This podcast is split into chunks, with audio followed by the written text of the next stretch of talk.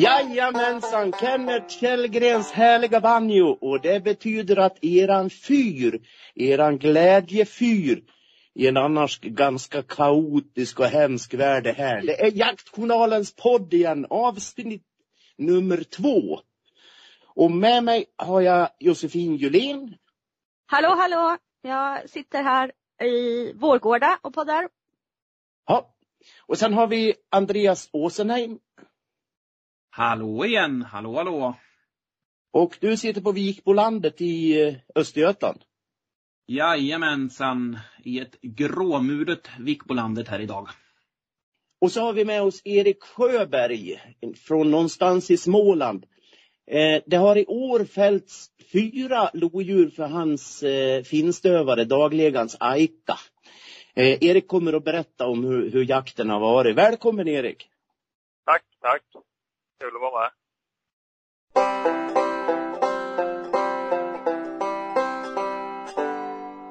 Vi ska börja med ett litet nyhetsblock dock. Och jag ber chefredaktören lista de viktigaste nyheterna som har varit sedan vi hörde senast. Det som har varit aktuellt det senaste fortsatt är ju lodjursjakten eh, och allting som, som händer kring det. Jag har precis suttit och skrivit en ledare till nummer fem. Och eh, den handlar till stor del om eh, stora rovdjursstammar, hat och hot som följer med jakten. Andreas, du då som sitter mitt i den heta lavaströmmen varenda dag. Vad har du för någonting? Nej, men precis som Josefin säger så lodjursjakten är ju stor. Den, det är ju den jakt som pågår just nu i första hand. Eh, såklart. Eh, och där rapporterar vi ju kontinuerligt från de olika länen hur det går och flyter på.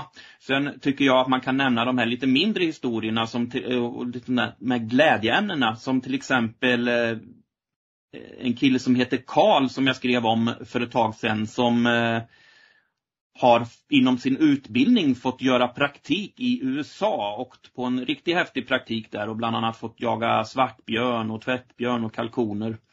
Viltslag som ju kanske inte är jättevanligt förekommande här hemma. Eh, så det är ja, en häftig grej tycker jag. Han, han går på jaktgymnasium va? Så det är en praktik från gymnasiet, visst är det så? Ja, men visst är det så. Han, han har ju jakt på schemat eh, till vardags så att säga. Nu vet jag ju när vi spelar in här Andreas att du har ju släppt en grej som kommer att bli en riktig kioskvältare alltså.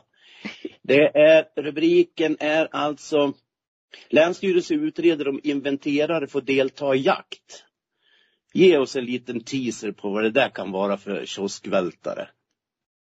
Ja, nej men det handlar alltså om Länsstyrelsen i Östergötland som sagt som nu utreder de en, eh, en av dem som de har anlitat som inventerare inför jakten eh, också får delta i jakten. Det, det, finns en person i Östergötland då som har jobbat som inventerare och sen också är med i jakten då. Eh, och det där är ju kontroversiellt eh, från båda håll tror jag. Att man, eh, Bernhardsorganisationerna till exempel, de är ju naturligtvis kritiska till att så här sker. Medan eh, vi som jägare då tycker att, eh, ja fast det kanske är de som jagar som faktiskt har den riktiga kunskapen kring spårning och så vidare. Dessutom så blir ju följdfrågan då att kan man som inventerare vara med i någon av de andra organisationerna? Eller Naturskyddsföreningen till exempel som systematiskt överklagar alla rovdjursjakter i Sverige. Den frågan eh, tycker jag blir intressant att följa. Den här personen eh, som vi pratar om nu, han är inte tjänsteman på Länsstyrelsen alltså utan har lejts in för inventering, är det så? I nuläget så har jag faktiskt inte fått tag på, på Länsstyrelsen uh, för att kunna ställa just den frågan. Men som jag tolkar det är det en utomstående person som alltså är anlitad som inventerare av Länsstyrelsen. Grattis!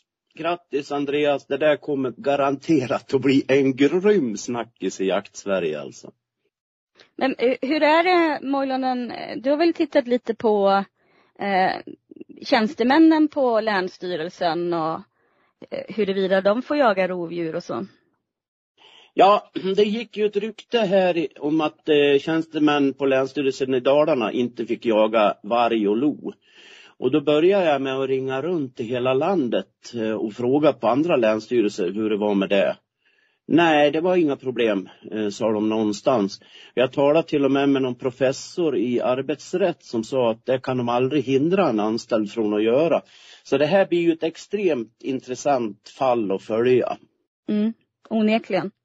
Eh, Ja, det väcker många frågor tycker jag och det är självklart att frågan i, i sig kan, är, är ju relevant såklart. Ehm, Tjänstepersonerna ska ju naturligtvis vara opartiska.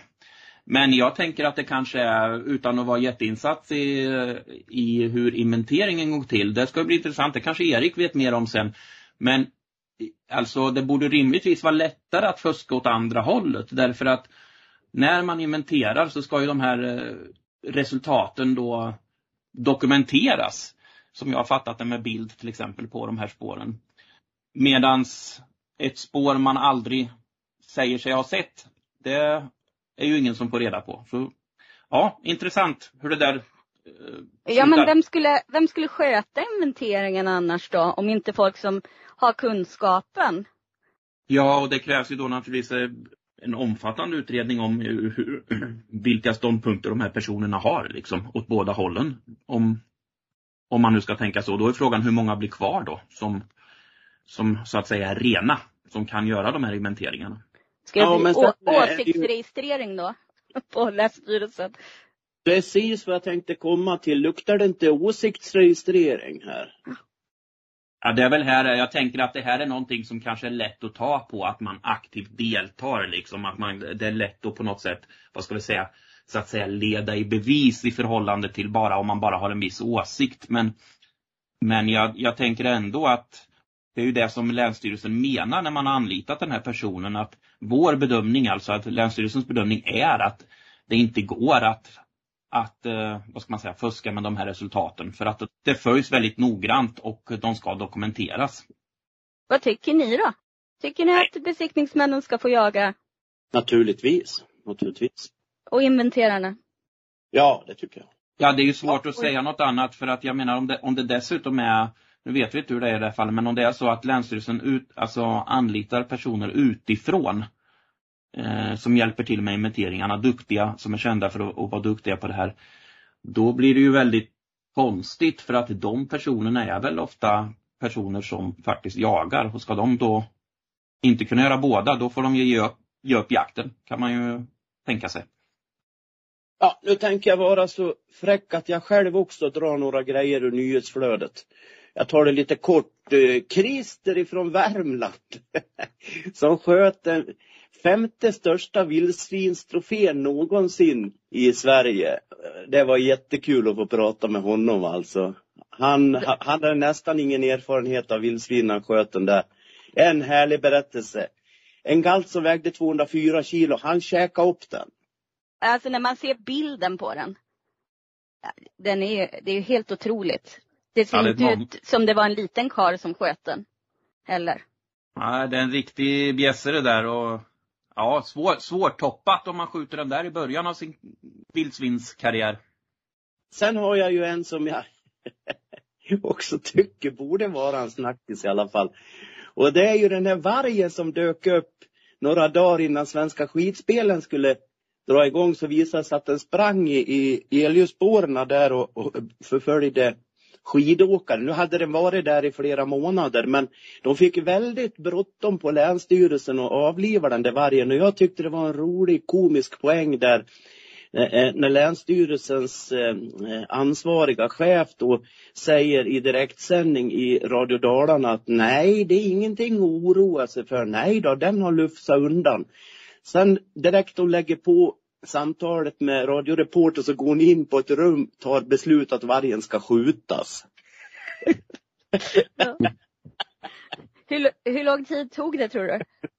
Ja, det tog ett par timmar, sen var den ju skjuten redan. Ja Eh, men från, från liveintervjun i radio till beslutet om skyddsjakt menar jag. Ja, men det vet jag att hon gick direkt från intervjun till mötet där de tog beslut om det, för jag nådde henne på mötet sen. Ja satan. Alltså hon, i intervjusituationen måste hon ha förstått att det här, det här går åt helvete, vi kan inte ha en varg där nu. Men, men det där är ju, det var en rolig jag tror det var i vårt eget Facebookflöde på den där faktiskt. För det var någon som har skrivit, ja men det är ju jättebra att ha en varg där som kan nypa en och annan norrmän i tätet. Men, men vän av ordning vill ju då föra till protokollet att, han, att det är väl lättare för vargen att ta någon av dem som ligger längre bak där. Så risken är att det är svenskarna som rycker då, tänker jag, istället. Det skulle kunna bli fina bilder från upploppsrakerna eh, mot målet där eh, när vinnaren kommer med en varg hacke här. ja, du Mojlonen, vad var det för varg då? För den sköts ju efter bara några timmar. Ja, det var ju en hanvarg, välmående, 32,6 kilo vill jag minnas. Den har ju visat sig vara halt på filmer tidigare. Jag vet inte om, det kan, om den kan ha haft någon skada som gjorde att den inte kunde jaga på normalt sätt. Då. Men en sak som jag funderar vad ni tycker om, varför har Länsstyrelsens personal alltid standardsvaret nej, man behöver inte vara orolig. Det rör sig ju om ett stort och potent rovdjur. Varför säger de så? Alltså, min, min spontana tanke om det är att de svarar generellt om folk behöver vara rädda för eh, om liv och lem.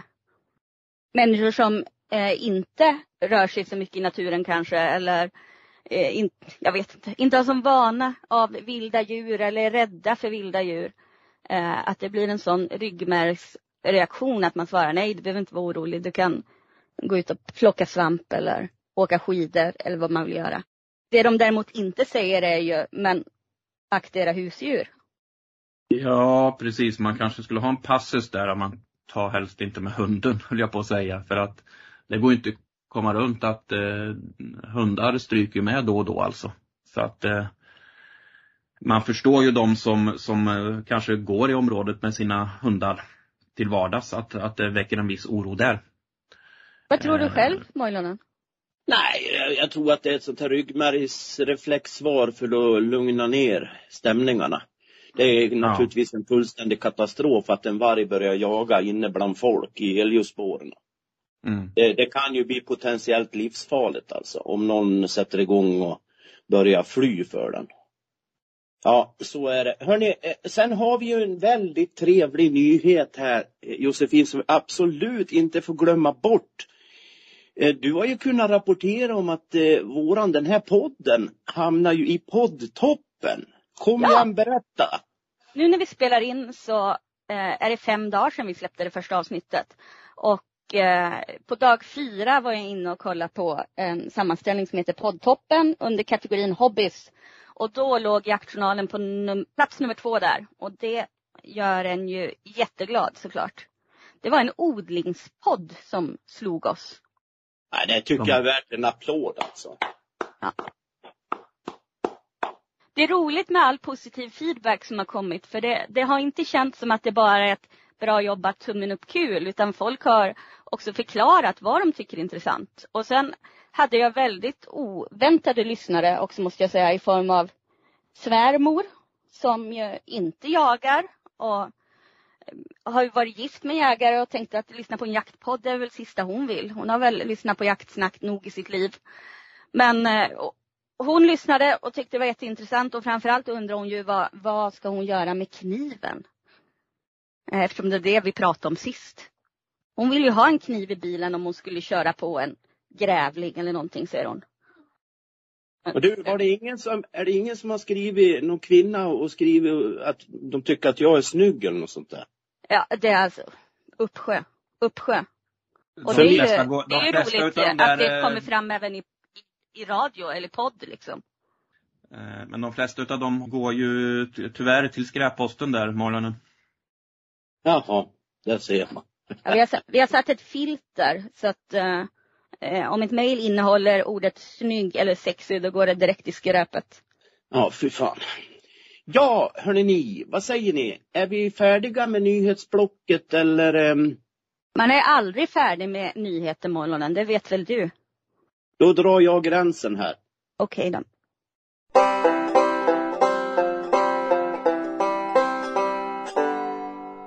Josefin, du har varit, är det världens största jaktmässa nere i Tyskland, IVA-mässan?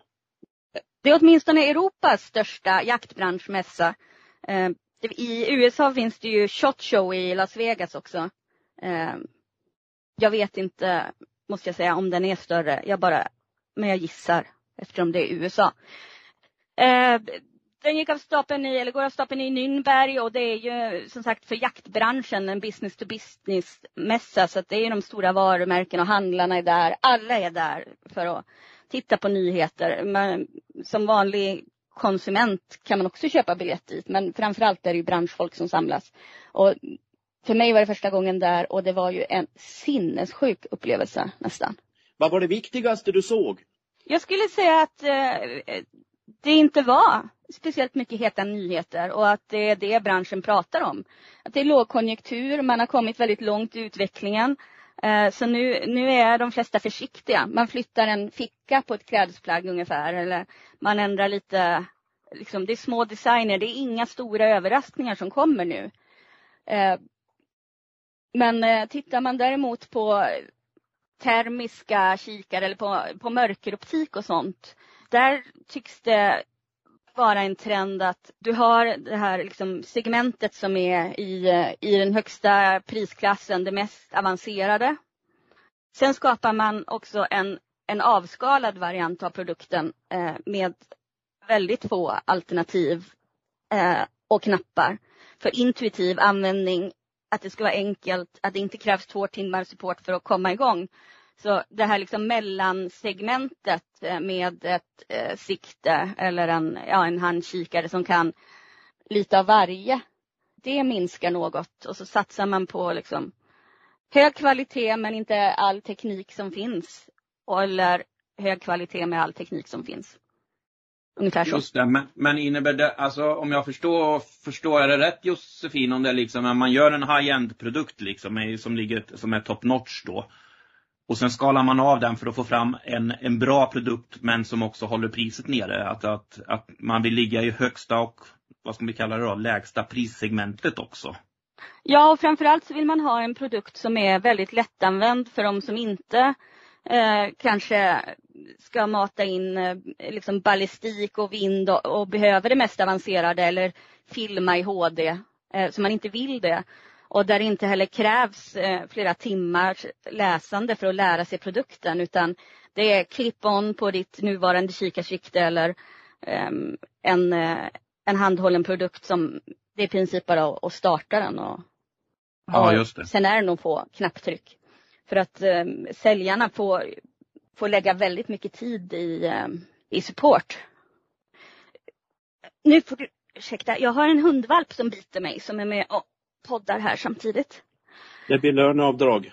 Ja, det som eh, annars, eh, det som jag tyckte var intressant på mässan är, är ju också att möta eh, mycket andra journalister i branschen från andra europeiska länder. Där pratar man eh, i princip lika mycket om varg och blyhagelförbudet som vi gör här. Så det var ju lite intressant att höra.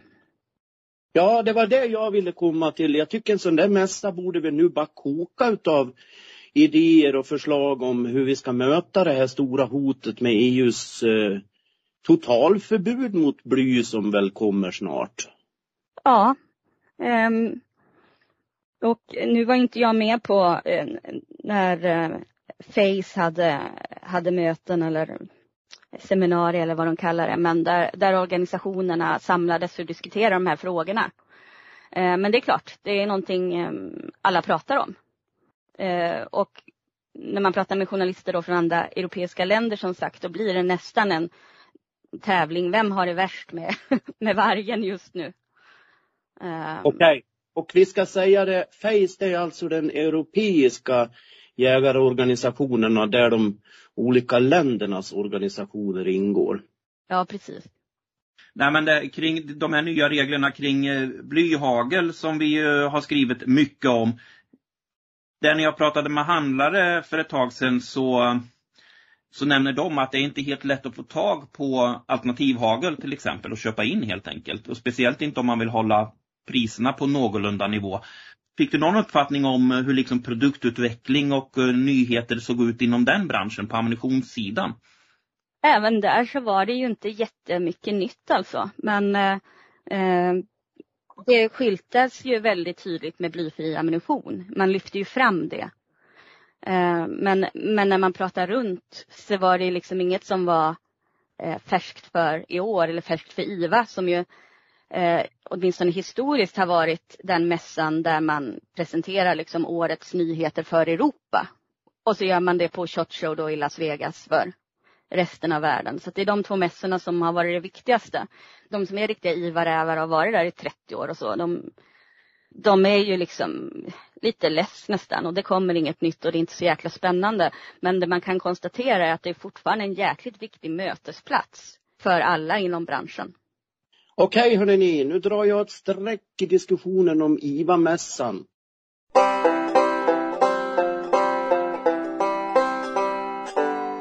Nu mina vänner, nu är det dags att släppa in Erik Sjöberg igen. Du befinner dig i en grävmaskin någonstans i Småland, Erik, och du offrar alltså din lunchrast för att vara med här. Jag måste hälsa dig hjärtligt välkommen. Tackar.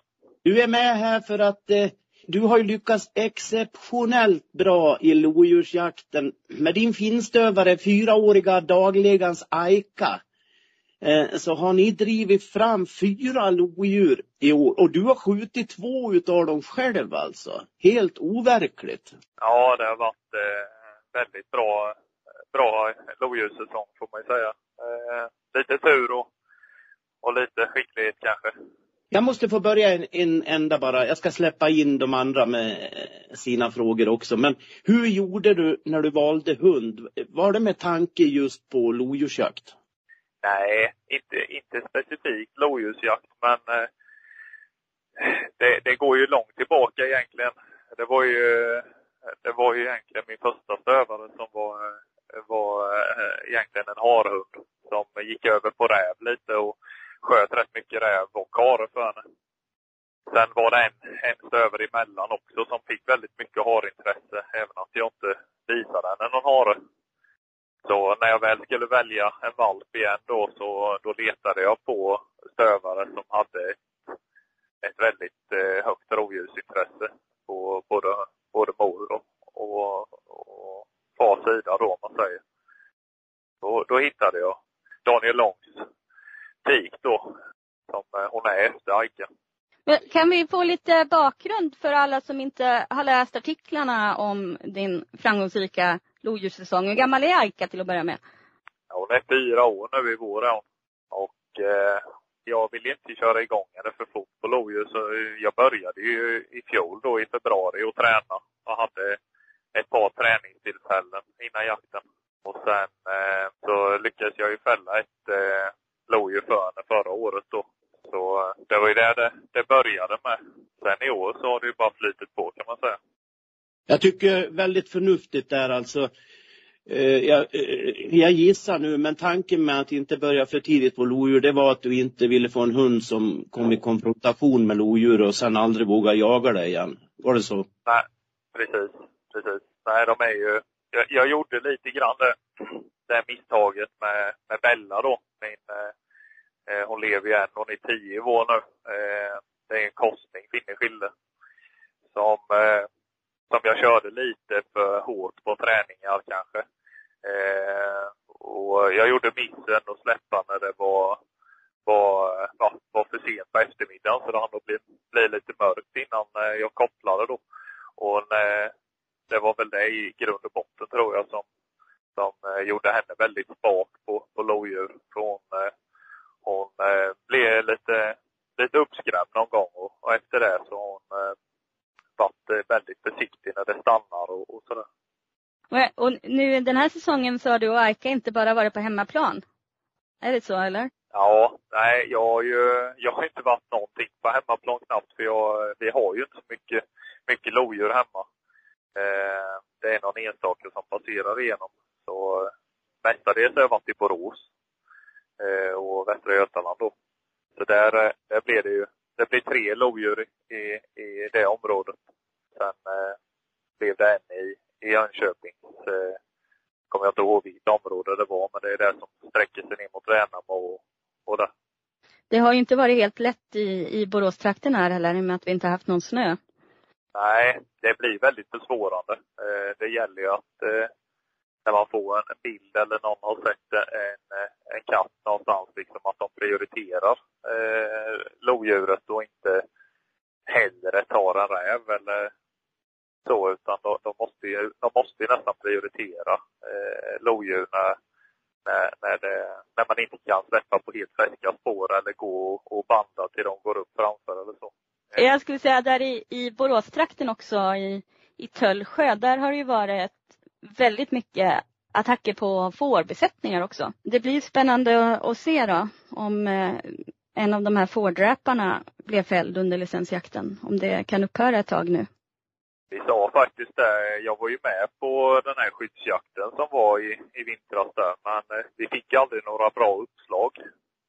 Eh, det var, det var en, eh, en stor katt som hade gått gårdar och hästhagar varit uppe och smugit kring hönsgårdar och allt möjligt.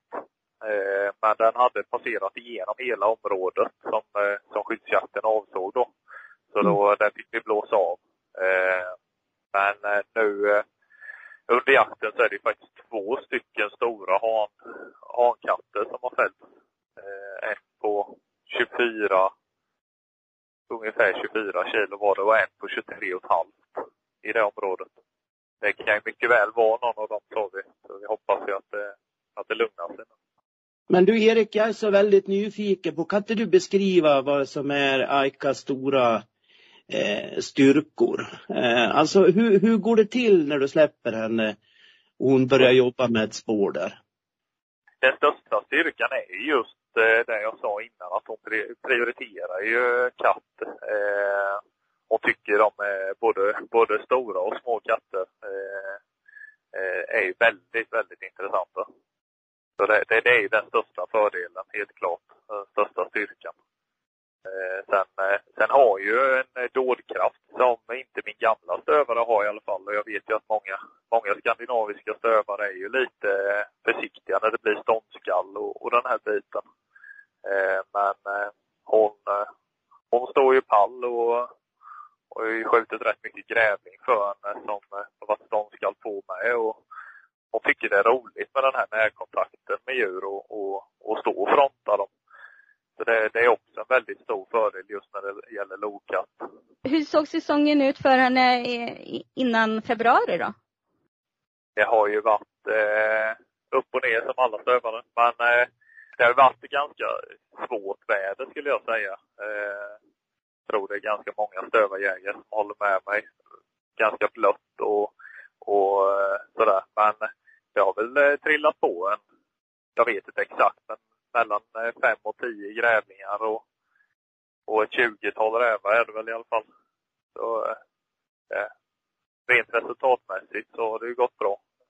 Men du Erik, vilket fantastiskt hundliv alltså. Det, det blir, säsongen blir ju jättelång alltså. När börjar du jaga och när slutar du? Ja, det börjar ju kring eh, 21 augusti där. Eh, jag brukar vara uppe och, och, och jaga björn då med, men det brukar ju bli lite, lite stövarsläpp där uppe med då och få lite grävling på kvällarna. Om man inte har något uppslag på någon björn eller sådär så kan man ju jaga lite räv emellan. Så sen håller man ju på då till till, till licensen är fylld i, i närheten och på katterna då. Det är ju lite olika men, men eh, i år blev det ju nu då 12-13 mars. Ja, och sen kom snön på de här breddgraderna. Ja, precis. Det var precis lagom när det var, var klart. Ja. Eller det blev klart då. Ja. Men eh, jag funderar på en annan sak. När du jagar, jagar du bara predatorer då? Hinner du med att jaga någonting annat? Jag brukar vara ute och jaga råbock i augusti eh, en, två gånger. Eh, och sen eh, i år var jag faktiskt med på älgjakten en dag. Eh, det har jag inte varit eh, innan. Jag har hoppat över ett par år Men, eh, men eh, sen, eh, sen blir det, ja, det är lite pyschjakt som sagt. Jag är med någon kompis och jagar lite dovhjort och, och det. Men sen, sen ja, vildsvin jagar jag ju en hel del. Eh, jag har ju en jämthund som jag jagar björn och gris med då. Så, så eh, en del vildsvinsjakt blir det. Det är väl det stora. Förutom pyrschen då. Ja, nu känns det som jag sitter här och kör one man show tillsammans med Josefin lite grann. Andreas! Har du någon fråga till Erik? Ja, men jag, Erik, jag, jag tänker på det här med hundar som blir duktiga på lodjur. Alltså säsongen för lodjur är ganska kort och så. Hur, hur gör man för att få fram en, en bra lodjurshund? Eh, med tanke på att eh, det skjuts ju inte så många djur för, för varje hund per år och sådär. Och, och få upp intresset för det viltet. Ja, det är väl alltså som, som mycket annat. Det, det, dels så tror jag faktiskt att det måste finnas eh, lite grann eh, eh nedärvt eh, intresse för, för dem.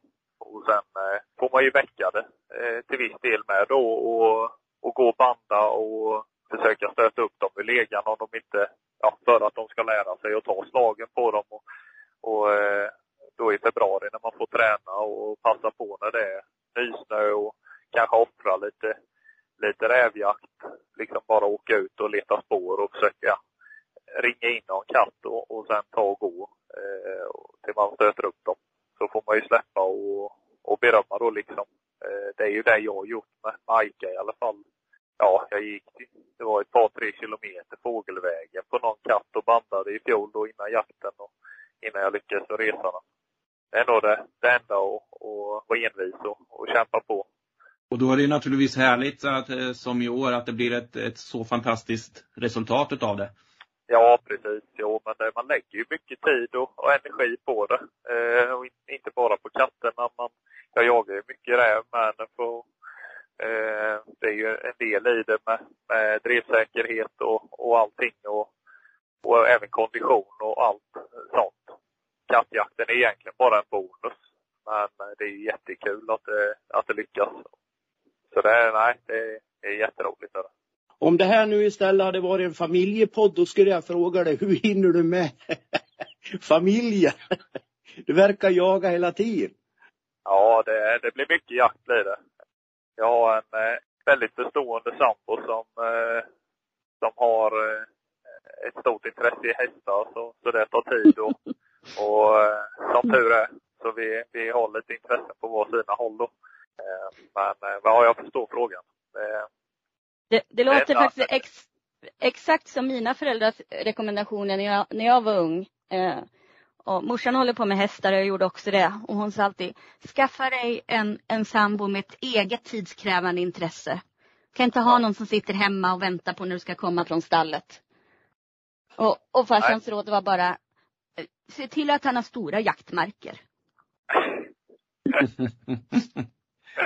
Men ja. eh, för, för mig är ju situationen så att jag har ju både jaktintresset och har en häst och har hästintresse. Så två sådana där intressen som tar tid. Det, det krockar kan man säga.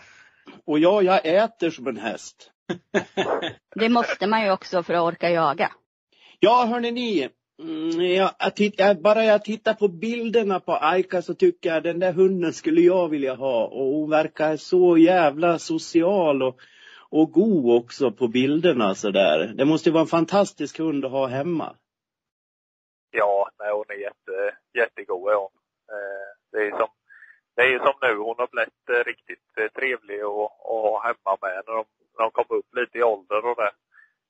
Så väldigt lugn och fin och ligger gärna på soffan och tar igen sig. Sover hon i sängen? Nej, inga hundar sover i sängen ett av få ställen de inte får vara. Hur är det hos dig Josefin? Eh, ja, när jag träffade min sambo så var ju det en dealbreaker att hunden sover i sängen. Eh, tack och lov hade han samma inställning så vi har tre hundar i sängen. Ja, jag försöker att träna min hund att ligga i sängen. Det går ganska bra. Hörrni ni, eh, vi drar ett streck här tror jag. Vi tackar dig Erik så in i bombens mycket och så hoppas vi att du får många härliga inbjudningar runt ifrån Sverige eh, där de vill att du ska komma med din duktiga hund nästa säsong. Det får vi hoppas. Jag kan passa på de som lyssnar och tacka för den gångna säsongen. För utan alla inbjudningar så, så blir det inget. Just med lodjur och björn och, och det här så så lever man ju på, på inbjudningar egentligen. Jätteroligt att vi fick ha med dig här Erik. Ja, kul att vara med. Tack så mycket, vi hörs. Tack, ja, tack. Erik. Ha det gott. Hej. hej.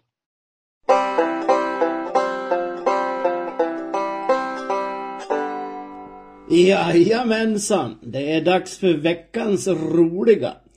Den är lite gammal den här men eh, på allmän begäran kör vi den igen. Det är alltså SVT Jämtlands reporter som dyker upp på skottplatsen när en stor björnhane har fällts. Hon intervjuar jaktledaren. Äldre, 250 kilo uppskattar Länsstyrelsens gubbe den till. Mår den bra? Björnen mår inget bra. Den är jättedöd. Men har ni hört alltså så hysteriskt roligt alltså? Ja, Den blir aldrig där- tråkig. Nej, det är verkligen en favorit. Den är, den är roligt. Men jag har förstått sen efteråt, för jag intervjuade reportern när jag skrev om det första gången och ja, jag tror de spelar lite teater där faktiskt. Och han är på hugget, jaktledaren också. Ja. Ja. Jo då, och sen som jag tror Josefin sa förra gången, apropå förra veckans roliga där, att det är ju också, man, ibland blir man ju lite stressad som reporter och så kan man formulera sig lite taffligt och sådär. Men, men det här blev ju faktiskt otroligt roligt. En ansvarsutkrävande intervju med en död björn. Ja.